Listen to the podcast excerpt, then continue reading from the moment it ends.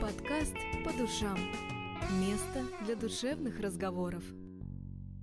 Всем привет! Это подкаст по душам. С вами ведущая Нина Брянцева и Екатерина Конакова. И в гостях у нас сегодня Никита Григорьев, когнитивный психолог. Мы обсуждаем тему о влиянии медиаконтента на детей. Здравствуйте. Ну, я думаю, что это тема такая, которая волнует всех родителей без исключения, потому что в той или иной мере каждый ребенок является вот потребителем медиаконтента. Насколько это опасно, нужно ли как-то ограничивать своих детей, может быть, а, не стоит этого делать, чтобы не стать врагом для своего ребенка. Вот все это сегодня мы и обсудим. А, и для начала я бы предложила а, поговорить о таком сериале, который недавно вышел, «Игра в кальмара». Ты смотрел? Да, да. Я специально угу. для, для подкаста выбрал там какое-то время, посмотрел. Мне на самом деле понравился. Угу, угу. А в каком возрасте ты бы рекомендовал, может быть, ребенку именно к просмотру или подростку?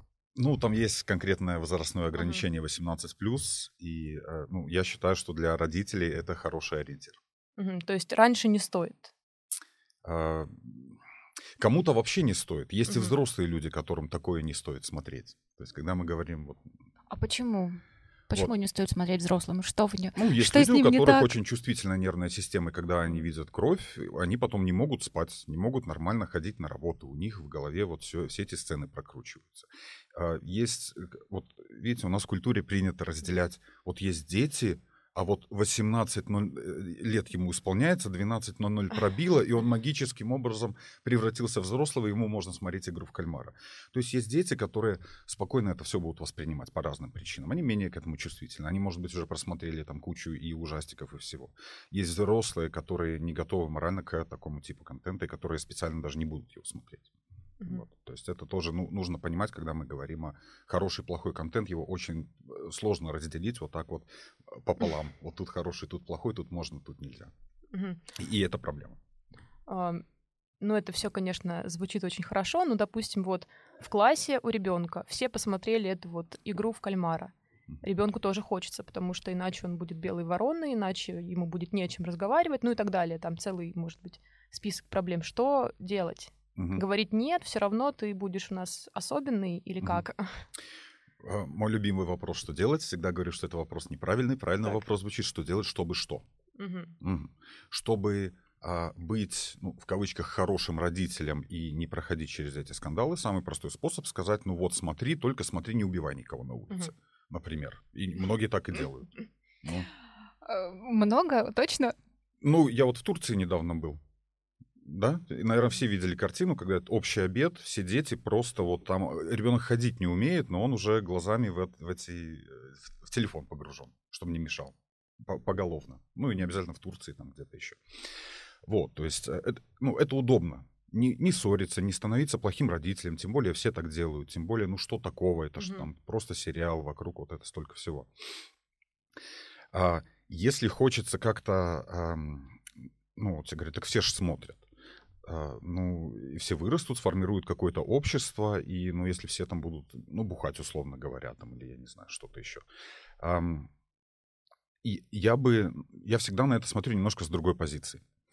В, во второй половине 19 века обнаружили такое классное вещество. Если его принять, то сразу чувствуется и бодрость, и меньше усталости человек чувствует. Кокаин называется. И с ним делали всякие сиропы, микстуры, детям его давали, и всем помогало все отлично себя чувствовали. Если человек, это не пропаганда наркотиков, наркотики вредны, но если человеку дать кокаин, он будет себя чувствовать отлично, пока будет действие этого наркотика, вещества. 20 лет понадобилось, чтобы увидеть, что он вызывает зависимость, разрушает мозг, разрушает жизни, и что его нужно запретить. Потом на смену пришел героин, который тоже понадобилось несколько лет, чтобы обнаружить. А мы вот в этой информационной среде мы, наши дети, оказались, ну, только там iPhone лет 10, там, 12 назад mm-hmm. вышел, условно говоря. А, то есть я думаю, что э, просто не прошло достаточно времени, чтобы вот, прям человечество во всей, во, во, в полной мере осознало, насколько это может быть опасно. Вот. И первые звоночки, они уже есть. Есть уже и исследования, и на своей практике я вижу, то есть и родители обращаются, и в принципе общество, а, в котором мы сейчас оказались, все больше и больше людей видят, что а, тяжелее общаться, тяжелее находить общий язык. Все сидят, смотрят эти там сериалы, то есть есть люди, которым действительно не хватает того мира, в котором мы жили лет 10 назад, когда люди были друг другу больше нужны. Никита, а с какими-то вопросами сразу тогда спрошу, mm скажем так, уже даже, может быть, не вопросами, а проблемами приходят родители. Вот вы говорите, что уже теперь звоночки есть, и с mm ними обращаются. mm Ну, самый, наверное, такой э, простой пример, я его запомнил, это не конкретный э, родитель, приходила ко мне женщина, которая работает в детском садике и занимается боже, не, не вспомню, как правильно называется, ну, короче, она оценивает когнитивное развитие детей, и она такая уже, ну, в возрасте, и она этим занималась еще в Советском Союзе. И она говорит, что нормы, во-первых, постоянно сдвигаются, потому что, ну, неуклонно идет, э, ну, в худшую сторону все. И она говорит, что в, ну, условно говоря, 80-е, 90-е отклонение от нормы, это было там 2-3 ребенка на группу из, э, там, 30 этих детей, то сейчас а, два-три ребенка только соответствуют этим нормам, большая часть, она ну, снизилась. Думаете, что это как раз э, связано, или в чем, может быть, ее были гипотезы, с тем, что mm. очень рано дети начинают э, смотреть э, и потреблять эту информацию с экрана? Ну, во-первых, да, я, я не хочу, чтобы это выглядело, что вот так вот только интернет этот весь ваш виноват и, и все вот это вот. Ну, мы действительно оказались в совершенно другом мире, и да, поскольку мы говорим вот о медиаконтенте, действительно в этом мире огромное обилие информации, к которому наш мозг физически не готов. На это много разных причин. И там экономика меняется, и динамика очень быстрая. У родителей гораздо меньше времени, чтобы заниматься детьми, потому что у всех там по две работы, и самим родителям хочется эти фейсбуки, сериалы посмотреть и так далее. А, причин много. А, но действительно, если мы смотрим на э, работу мозга, вот просто физиологически, то эм, проблема в том, что если мы перегрузили свой организм едой, желудок нам скажет об этом в виде чувства насыщения. Если мы перегрузили свой организм физическими нагрузками, мышцы нам об этом скажут в виде физической боли. Проблема в том, что в мозгу нету этой красной лампочки, там нету болевых рецепторов и какого-то внутреннего механизма ограничения информации у нас нету. Эволюционно, то есть мы, мы продукт эволюции, и эволюционно мы сформировались так, что информация для нас очень важна важна. Те, ну, мозгу нравится информация. Потребление информации, мозг награждает нас тем самым ну, дофамином нашим любимым. Я, я вот почему привожу в пример кокаин, я, когда ко мне приходят клиенты или часто, когда где-то выступаю, я часто начинаю с того, что у нас у всех наркозависимость. Mm-hmm. И у детей в том числе. Не от кокаина, не от героина. Название этого вещества — дофамин. То есть э, от рождения в нас внутри, внутри встроена вот эта целая химическая лаборатория, и когда что-то происходит, что нравится нашему мозгу, наш мозг снабжает нас психоактивным веществом, от которого мы чувствуем себя хорошо. И кокаин, люди, э, которые потребляют кокаин, они испытывают чувство эйфории не от самого кокаина, э, кокаин химически так устроен, что он заставляет мозг выделить огромную дозу своего собственного дофамина. Так вот, нас всех отличает просто стратегия, с помощью которой наш мозг выбирает получать тот самый дофамин. Кому-то нужен спорт, кому-то наркотики, кому-то компьютерные игры, угу. кому-то ТикТок. До какого возраста хотелось бы а, да, сформировать а, такие позитивные привычки у наших детей для того, чтобы все-таки дофамин они получали от чего-то более полезного? Ну, как бы полезно, наверное, в данном случае ярлык, но тем не менее нам как родителям все-таки хочется разделить это полезно, это да, не да, очень. Да, да. Ну, на самом деле, да, э, надо как-то это все обозначить, сложно сказать, полезно, не полезно. Те же самые компьютерные игры для чего-то, они могут быть полезны. То есть там дети э, получают какие-то э, механики, которые, какие-то механизмы поведения, которые они, например, не могли бы получить в реальной жизни. То есть там экономические стратегии, там что-то еще, и реакцию они там развивают. И зрение даже есть исследования, которые говорят, что люди, которые играют в стрелялки, они лучше видят какие-то мелкие детали в объекте. Если мы говорим про возраст, то на самом деле есть вполне конкретные цифры. А, наш мозг развивается аж до 25 лет, после 25 лет тоже есть возможность немножко поменять мозг, но гораздо меньше. 25 лет там условно все заливается бетоном, и то, что мы наработали, те механизмы, которые мы успели сформировать, механизмы поведения, механизмы саморегуляции, механизмы, что вот я откажусь от э, сиюминутных каких-то удовольствий ради чего-то более серьезного. Вот та самая не знаю, работа, проекты, что-то еще, ответственность там, за семью, за свою жизнь. Это все вот эти механизмы, которые у нас живут в голове, которые формируются не сами по себе, потому что ребенок э, родился, которые родители или ну, вот окружающая реальность помогают сформировать. проблема а, вот этого быстрого дофамина контента, что я нажал а, на волшебную кнопочку, и у меня куча дофамина, и мозг говорит, так а зачем мне стараться, чем мне куда-то там идти, За, зачем, когда вот оно все. Угу. Вот, и а, да, до 25 лет формируется человеческий мозг, но он формируется нелинейно, к 12 годам на 90% там уже все эти механизмы сформированы.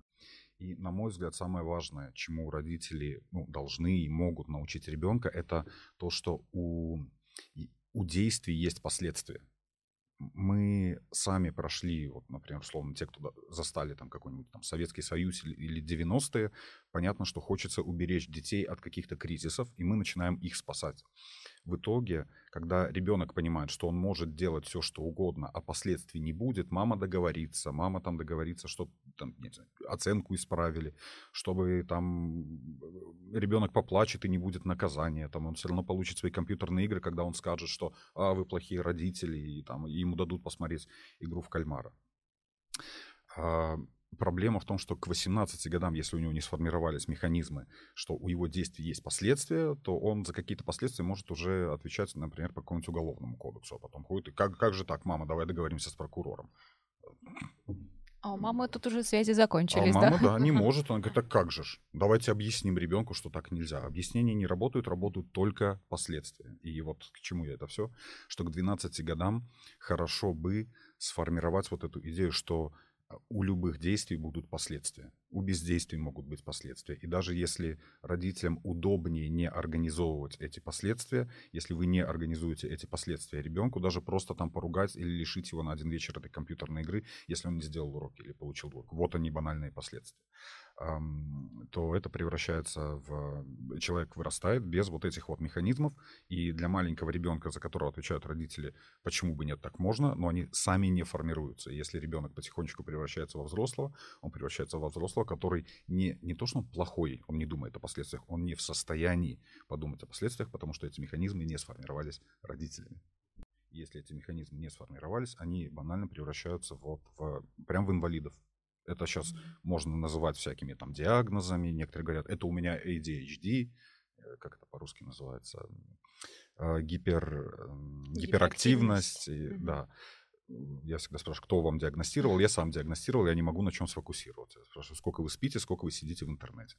Большую часть э, своей жизни человек проводит в интернете. Понятное дело, он, его не, не то, что он не может сфокусироваться, его мозг уже не в состоянии фокусироваться, потому что последние несколько лет он провел в режиме, нажал на кнопку, получил дофамин. А тут ему говорят, что ему нужно учиться несколько месяцев там, или несколько лет, потом искать работу, потом работать, и только потом ему скажут, что вы там специалисты, можете получать зарплату и купить вот эту крутую машину. Он говорит, я не могу вот эти несколько лет у себя в голове удержать. Мне вот сейчас надо.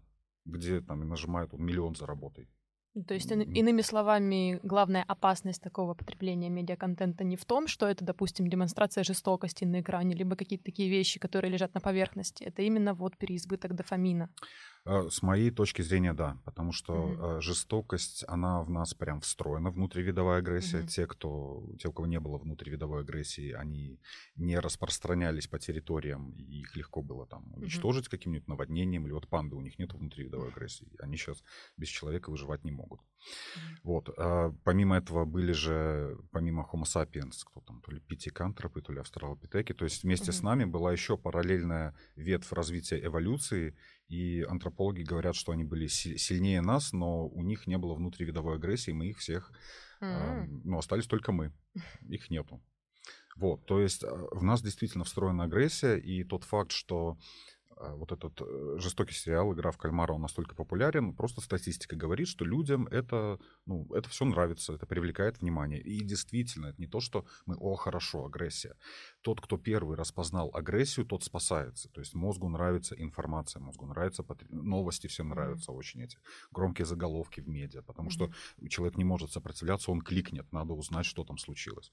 Так же там всех убивают. Где всех убивают, давайте посмотрим. Да, то есть у нас вот, у нас всех встроен этот механизм. И от, от этого не уйти, это есть. И в детях все знают, что дети жестокие. Взрослые люди — это жестокие дети, у которых выросли э, вот те самые механизмы саморегуляции, что меня ж посадят. Поэтому взрослые не жестокие, они вынуждены быть не жестокими. Как только это все уходит, вот вам опять же этот игра в кальмара показывает, э, если поставить обычных людей в такие условия, ну, и были эксперименты, может, слышали Зимбардо, там, который Да-да-да. организовал из студентов там тюрьму, у них сразу uh-huh. же включается эта внутривидовая агрессия. Одни самоутверждаются за счет других. То есть у нас это все есть, и говорить так, что ой, там в компьютерных играх или в сериалах а, они увидят агрессию, это, ну, это уже все есть в детях. Угу. Проблема скорее именно в бесконтрольном получении дешевого дофамина, после которого человеческий мозг не в состоянии а, справляться с этой реальностью, потому что реальность требует каких-то усилий для того, чтобы получить э, дофамин. Но все-таки как э, реагировать, если э, ну, не успели мы создать э, правильно эти границы там, до 12 лет, mm-hmm. а здесь еще кризис да, подростковый, то есть и так ему все плохо внутри а еще и родители пытаются ограничивать. Вот как быть родителю, чтобы все-таки совершенно не испортить, да, и оставить mm-hmm. этот эмоциональный контакт, mm-hmm. но и при этом продолжать э, стратегию, э, научить э, э ребенка ограничивать себя. Mm-hmm. Ну, во-первых, нужно понимать, что в какой-то момент по-хорошему уже не получится к сожалению. Если бы можно было по-хорошему, давно, вот я всем прям так и говорю, давно все порешали по-хорошему, не нужно было бы ходить к психологам. К сожалению, иногда это превращается уже в выбор между плохим и очень плохим. Когда мы начинаем смотреть на вот эти виртуальные развлечения не на э, источник агрессии, потому что мы понимаем, что в детей э, вся эта агрессия, она уже встроена. Мы начинаем на это смотреть как на э, что-то, что может травмировать мозг ребенка, не дать ему развить вот эти вот механизмы здорового получения дофамина, там, постараться отложенное удовольствие, так называемое. А, то мы начинаем понимать всю серьезность. У нас вот что он таблетку экстази попробует или будет бесконтрольно потреблять контент, тогда становится примерно на одну полку, когда мы понимаем, что механизмы-то под капотом происходят одни и те же. Человек получает ребенок получает дешевый дофамин, неважно, с помощью химии, с помощью цифрового контента. Если мы это не будем контролировать, то его мозг скатится вот в это потребление, не, не, просто будет отказываться, фокусироваться и учиться чему-то, ну хоть чему-то. Угу. И тогда мы начинаем понимать, что, э, ну вот, при, давайте посмотрим, ребенок приходит, говорит, все попробовали экстази, а что, я как лох, я тоже хочу экстази попробовать. Мы ему скажем нет. Если он скажет, а, я буду плакать, вы плохие родители, мы скажем, нет, мы плохие родители, Уйду но ты не будешь... Дома. Ну, ну, и, иногда родителям, вот что такое выбор между плохим и очень плохим, им приходится ставить детей, ну, вот прям, давай звони в полицию, что тебе, тебе тут плохо, и съезди месяцок поживи в этом детском доме. Ну, то есть э, иногда родители вынуждены дать детям столкнуться с каким-то кризисом, чтобы ребенок наконец-то понял, что такое кризис впервые в жизни, ну, офигел, как это говорят по-русски, испугался этой реальности и пришел, сказал, давайте играть по правилам, пожалуйста. Понимаете, потому что, повторюсь, объяснения не работают. Объяснить ребенку, что там вредно, плохо, а я оно не работает. Uh, у меня есть такое ощущение, что некоторые uh, родители просто не готовы ставить своего ребенка вот в такие вот экстремальные в чем-то условия. Ну, может быть, потому что когда-то их родители именно такую штуку проводили с ними, это вот какое-то такое uh, возможно, желание отыграться. Вот со своим ребенком я так поступать не буду, ему я буду все разрешать, потому что у меня было детство, которого я не хочу. Ну вот. Совершенно верно. Mm-hmm. Очень часто именно проблема в чувстве вины родителей. И э, дети, они очень хорошие манипуляторы. Как только дети понимают, что э, какое-то поведение ребенка, когда он сказал волшебную фразу «ты плохая мама, я уйду из дома», работает как волшебная палочка, Опять же, э, мозг автоматически начинает использовать эти механизмы как вот этот вот инструмент манипуляции. А, автоматически, то есть ребенок может даже не осознавать, что Совершенно он манипулирует. Верно. Совершенно mm-hmm. верно. Я всегда подчеркиваю, mm-hmm. что э, мы, это, а, мы об этом говорим и когда мы про семейные какие-то разборки, там, и проблемы родителей детей, работник, работодатель, например. А, вот эти все социальные игры, методы манипулирования, они встроены в нас прям подсознательно. И как только наш мозг увидел, что какой-то а, набор поведения дает мне то, что я хочу, наш мозг вот из этого подсознания автоматически начинает генерировать это поведение, которому мы не можем сопротивляться. Uh-huh. И такому человеку говорят, да ты что, да ты что так? И он понимает, что он так себя ведет, но в моменте он по-другому вести себя не может Вот. То есть это не то, что, я прям всегда подчеркиваю, не то, что они ходят и вынашивают планы, как я сегодня заманипулирую. Просто в моменте оно включается, у мозга просто нету другой вот этой вот козырной карты, нету mm-hmm. другой э, mm-hmm. готовой стратегии поведения, и он достает ее раз. Почему так много про мозг говорю? Когда мы начинаем понимать, как работает наш мозг, мы начинаем понимать, что э, вот кто во всем виноват. Вот эта эволюция, которая подготовила нас жизни в совершенно другом мире, что мы не готовы к этому обилию информации, калорий, чему-то еще. И когда мы понимаем, что все наши эти три, и тревожные мысли, и чувство, что там все виноваты, они генерируются вот этим а, автоматическим мозгом, у нас появляется такая роскошь, как впервые в жизни поставить эти негативные мысли под сомнение что это не я так себя чувствую, а это мой автоматический мозг сгенерировал эти мысли, что у меня ребенок плохой муж, плохой жена, там плохая, все плохие. И тогда я могу уже не эмоционально реагировать, опираясь на эти мысли, я могу в первую очередь поставить мысли под сомнение и сказать, так, давайте поговорим. Угу, и это открывает нам небольшое как пространство для диалога, которое можно уже использовать, вот, если конкретно говорить, как это, как люди выходят из этого кризиса. Угу. А, тогда еще вопрос про клиповое мышление, о котором сейчас много говорят. Mm. А, влияет ли на формирование, а, может быть, усидчивости, может быть, а, вот на наличие э, таких расстройств, как дефицит внимания, например, а, сменяемость картинки, потому что некоторые говорят, что если показывать, допустим, что-то статичное ребенку, то таким образом клиповость мышления не формируется, и, в принципе, все нормально, человек может фокусироваться на чем-то очень долго. Uh-huh, uh-huh. Вот. Ну, влияет напрямую. Единственное, uh-huh. что вот этот э, термин клиповое мышление, оно очень этот термин, он очень общий и да, абстрактный, да, да, который описывает угу. в общем что-то, что происходит. Но на самом деле у нас э, в мозгу, вот в этой лимбической системе есть механизмы переключения внимания. И ну, что такое наш мозг? Это огромное количество нейронных связей, которые друг с другом конфликтуют. И эм, ну, все наши мысли, то же самое внимание, это активировалась какая-то группа нейронов, и это внимание переключается, например. Так вот, есть такой термин нейропластичность, то есть наш, наш мозг постоянно меняется и адаптируется под ситуацию. То есть, и, например, не знаю, люди, которые прошли какую-нибудь войну, у меня вот был сосед, который выпрыгивал каждую ночь из окна, который из Афганистана вернулся. Ну, это был еще Советский mm-hmm. Союз. Потому что бомбежка ему снилась потому что он э, какое-то время подверга... жил в ситуации, где каждый день, каждую ночь ему там ну, могла быть бомбежка, он мог умереть, и его мозг натренировался. Он насчет вот этой вот паники вырастил себе нейроны, и теперь эти нейроны никуда не делись, и они заставляют его паниковать, выпрыгивать из этого первого этажа. Понимаете? Ну, это такой преувеличенный, может быть, пример. А, извиняюсь, если слишком жесткий, просто я... Ну, яркий пример. Ну, да, чтобы сразу понятно Да-да-да. было. Но если мы берем что-то более, более мягкую стимуляцию, опять mm-hmm. же, мультики, яркие пятна, они точно так же заставляют вот эту а, лимбическую систему активировать те нейроны, которые отвечают за переключение внимания. И когда... Мо... Это как накачивать мышцы. Если я приду в спортзал, возьму, я не знаю, и начну качать правую ногу, и только правую ногу, у меня начнут развиваться мышцы на правой ноге, но если я это не балансирую какими-то другими нагрузками, то я как-то не очень гармонично начну выглядеть. Mm-hmm. Точно так же, когда мы а, подвергаем мозг вот этому а, ну, современному медиаконтенту, он клиповый именно потому, что спокойный, размеренный контент больше не продается, он слишком скучный. Э, это не то, что какие-то там масоны заговор устроили, просто э, это деньги. Угу. Те, кого смотрят, те получают больше денег. Чтобы смотрели, должно быть ярко, броско, угу. более броско, чем у конкурентов. Угу. И сейчас уже кто сделает более клипово, понятное дело. Угу. Вот, если весь контент, который мы и наши дети потребляем, он клиповый, то мы, по сути, тренируем вот эту вот мышцу мозга, если можно То есть сказать. это неплохо? Смотря для чего. Если mm-hmm. мы собираемся, а, например, я не знаю, если человек собирается играть в какой-нибудь бадминтон, и mm-hmm. ему нужно моментально урывками э, вылавливать информацию, где валанчик, где расположение конкурентов, mm-hmm. то клиповое мышление будет на него работать. Mm-hmm. Если человек, а, я не знаю, спортсмен, футбол играет, то там как раз включается это клиповое мышление.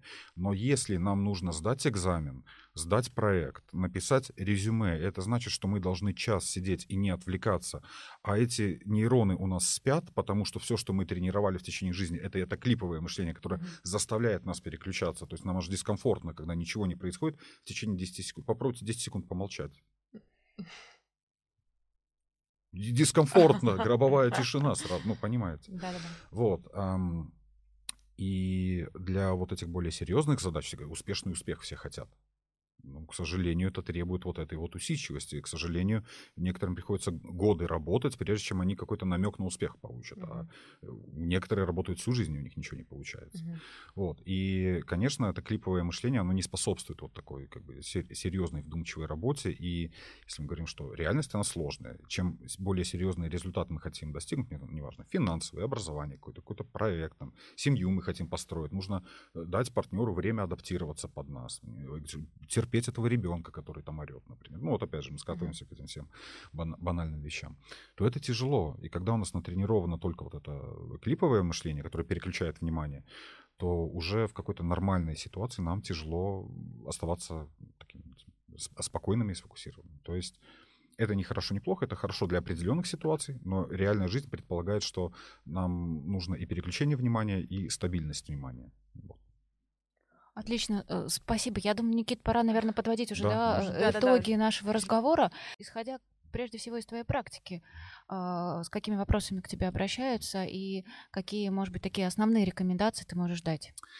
Ну, на самом деле, все, что мы обсуждали, это, собственно, и в основном суть проблем, с которыми ко мне обращаются. Mm-hmm. То есть у людей личные проблемы, это осложняется проблемами с детьми, иногда Личные проблемы выступают на передний план, иногда проблемы с детьми выступают на передний план. Но нужно понимать, что всем этим, да, всем этим управляет наш мозг. Наш мозг — это автоматическая машинка, это результат эволюции. Который, наш мозг сформировался в совершенно другом мире. Он сформировался в том, чтобы получать дофамин наи, наименьшими усилиями. Потратить наименьшие усилия, получить больше информации, больше калорий. Вот это вот. И тогда он нас награждает дофамином. Оказавшись в мире, где у нас избыток калорий и избыток информации, где эм, как это, медиакультура, культура развлечений использует, взламывает нашу дофаминовую систему, чтобы скормить нам больше контента, чтобы продать наше внимание э, за рекламу, ну, у нас нету такой роскоши, как игнорировать это все, если говорить такими громкими словами. Ладно, с нами, может быть, так можно, но у нас есть дети. Если с ними так можно, то ну, Почему бы нет? Ну да, и получается, что в первую очередь тогда нам самим нужно обратить на себя внимание, разобраться с нашим отношением к дофамину и к тому, как мы, собственно, реагируем и как мы ведем себя сами в конфликтных ситуациях. Да, и что, больше говорить с детьми. Когда мы понимаем, как работает мозг, и используя эти знания, начинаем понимать, как контролировать себя, мы эти же инструменты можем применить и на детей, и на договоренности с партнером. Если мы находимся в, заложниках, в заложниках у нашего импульсивного мозга, который заставляет нас раздражаться, сердиться, самим потреблять там контент, мы тратим на это все огромное количество ментальных ресурсов, и у нас не хватает ментальных ресурсов на реальную жизнь, потому что, ну, там же всю ленту надо просмотреть, а проект там как-нибудь сделается. Mm-hmm. Когда мы начинаем понимать, что в первую очередь это влияет на нашу жизнь, и с этим можно что-то сделать, мы можем начать уже защищать от этого и себя, и своих детей. А просто так прийти ребенку и сказать, что давай-ка ты это не смотри, а сами будем все это потреблять и оставим ребенка в этом вакууме, то есть ребенку же нужно общение с родителями, mm-hmm. общение со сверстниками. И вот, да, может быть, такая вещь, которую я бы добавил к этому всему, что а, проблема даже не в контенте, не в типе контента, который смотрит, а в остальной части жизни ребенка. Mm-hmm. Если э, а, ребенок ходит в какие-то секции, читает книжки, общается с ребятами, то все эти сериалы, все эти, даже если там какие-то э, сцены насилия, что-то еще, это просто эпизоды в его жизни, которые, да, он может обсудить с друзьями, да, у них игры на этом строятся, там как-то еще. Но если в жизни ребенка просто вакуум, он не общает, не может общаться с родителями, не может общаться со сверстниками, то этот вакуум начинает заполняться этим цифровым контентом. И тогда mm-hmm. эм, контент и содержание этого контента становится уже, может стать основной конструкцией, тогда это ну, чревато такими серьезными последствиями. Человек не сможет адаптироваться, он не сможет социализироваться. То есть важен не сам контент, а еще и остальная часть жизни, чтобы это было сбалансировано реальностью. Слушай, очень важную вещь сказала, мне кажется. Не все об этом задумываются, и все, мне кажется, больше обращают внимание именно на содержание контента. Потому что а удобно показать да, пальцем да. вон там, а оказывается, я должен ребенку угу. Э, отвести его. Угу. А мне же с дивана надо вставать. Ну да, и получается, когда мы говорим о том, что ребенок посмотрел, да, плохой сериал, и сериал во всем виноват, то как-то а, проще, опять же, да, перевести стрелки Конечно, на производителей контента, сделал. да, Да, а мы а не на бедные себя. несчастные, Мгм. да, пытаемся как-то бороться с этим миром. И Мгм. получается, уходим от собственной ответственности. И, и это на самом деле достаточно тяжело, потому что вот она реальность, вот он ребенок, и его жизнь, помимо своей жизни, надо его жизнь как-то обустраивать. Это действительно тяжело. И действительно гораздо легче посмотреть мимасы. И, повторюсь, вот взрослые в это впадают, и потом вот очень легко на- найти виноватых этих производителей. Никит, спасибо большое. Я думаю, что многие осознали какие-то инсайты. Бу- Сейчас- Будем надеяться. Возможно, кто-то переосмыслил свою жизнь. А с вами был подкаст «По душам». Слушайте нас на всех удобных подкаст-площадках. Всем пока! А, До свидания. До свидания.